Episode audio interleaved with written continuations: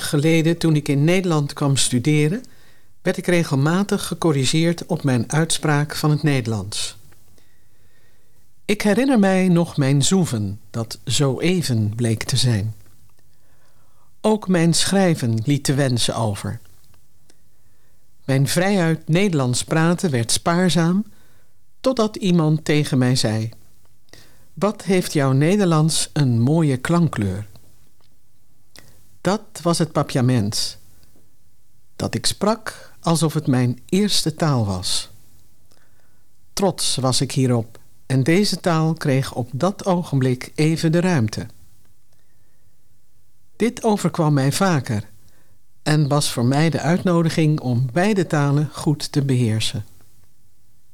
Is het zo simpel dat als je door de ander begrepen wordt in je eigen taal, je de taal van de ander ook wilt leren?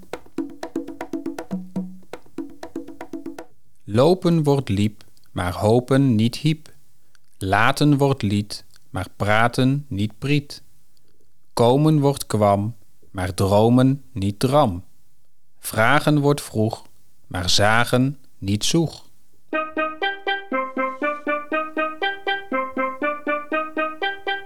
Welkom bij de macht en kracht van taal. Deze special hoort bij de podcast De Ander. In de macht en kracht van taal neemt collega Jenny van der Ende ons mee in de wereld van taal. Een voorwaarde voor studiesucces.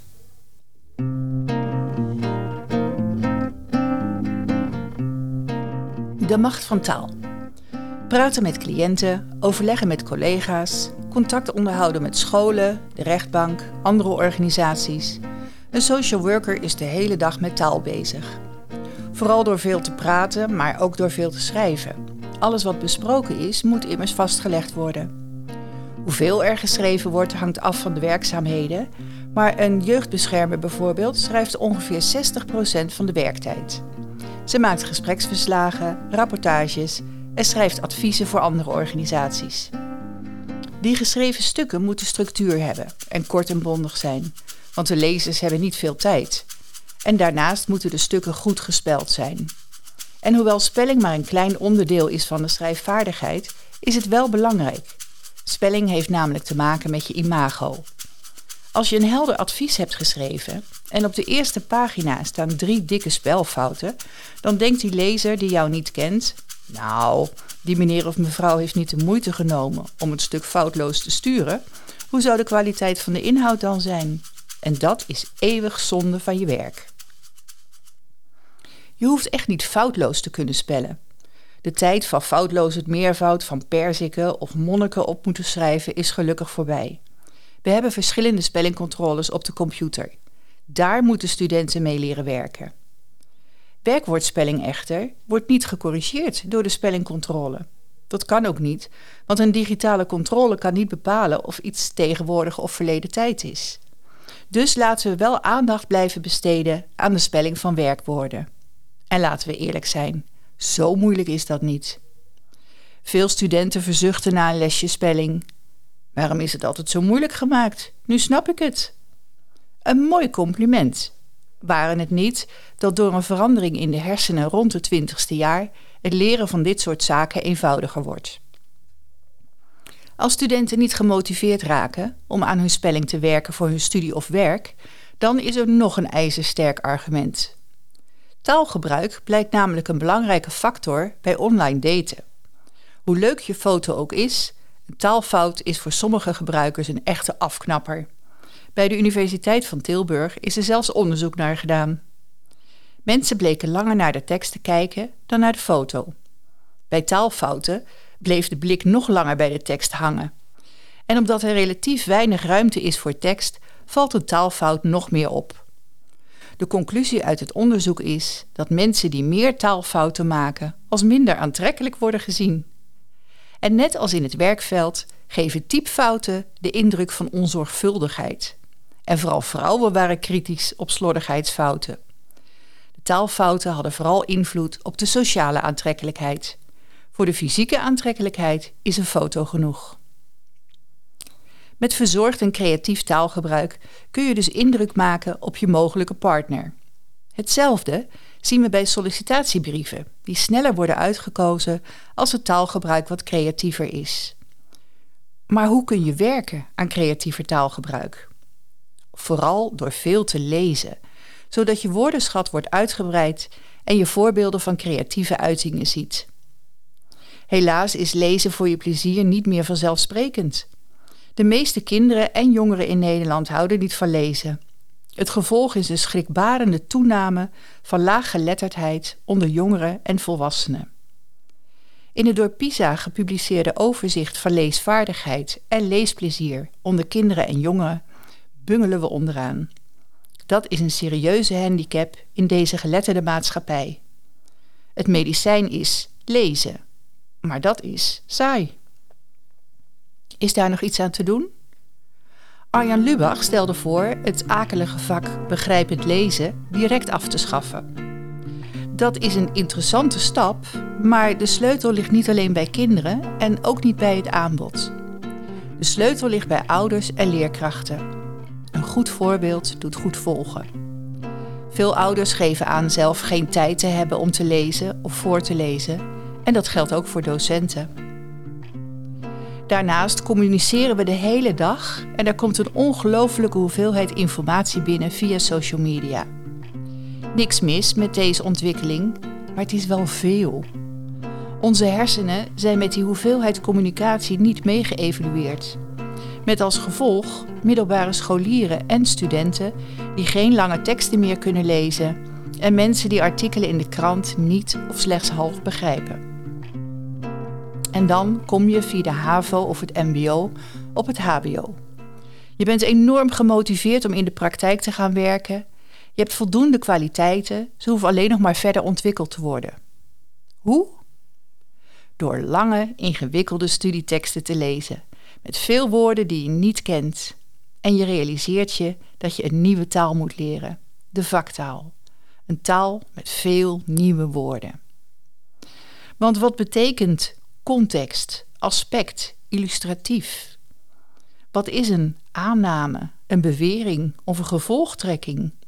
En dan wordt lezen wel heel lastig. Je begrijpt een tekst pas als je meer dan 95% van de woorden kent. Nou, dat is een hele opgave.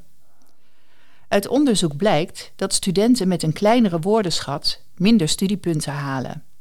Woordenschat en leren zijn onverbrekelijk met elkaar verbonden. Een grote woordenschat opent en vergroot de wereld en helpt bij het nadenken. Het onderwijs moet zich daar op alle niveaus bewust van zijn, van kleuterklas tot universiteit, al dus Aleid Truijens in de Volkskrant. Het is nuttig als studenten leren duidelijk te formuleren, argumenteren, lezen en analyseren, in het Nederlands, in het Engels of in beide. Dat kost tijd en er zijn ondernemende docenten voor nodig. Maar die investering is de moeite waard. Het levert de hele samenleving iets op. Truijens zegt daarover: Van wat je studenten leert, hebben veel anderen op den duur plezier. Krijgen wordt kreeg, maar hijgen niet heeg. Zenden wordt zond, maar wenden niet wond. Zitten wordt zat, maar spitten niet spat. Schenken wordt schonk, maar denken niet donk. De kracht van taal. Het belang van taal wordt bij de start van de opleiding al duidelijk. Taal is namelijk een voorwaarde voor studiesucces. Taal is het gereedschap van de student bij het verwerken van stof en het presenteren van nieuwe ideeën. Veel studenten in Rotterdam beheersen naast het Nederlands nog een tweede en soms zelfs een derde of vierde taal. En voor velen is dat geen enkel probleem. We kunnen die talen als een kostbaar bezit zien in onze diverse samenleving zijn social workers die meerdere talen spreken van onschatbare waarde. Maar alle studenten moeten werken aan hun taalontwikkeling om tijdens de studie en in het vak goed te kunnen communiceren. We kunnen deze taak alleen op het bordje van de taaldocenten leggen, maar dat heeft niet zoveel zin. Losse lesjes taal hebben weinig invloed op het presteren in de beroepsvaardigheid. Veel beter en logischer is het als ook de vakdocenten aandacht besteden aan taal. Dat is namelijk het gereedschap van de social worker.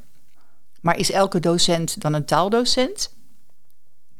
Wat kan er gedaan worden zonder dat het veel tijd of extra inspanning kost? De eerste stap van taalontwikkelend lesgeven kost niets.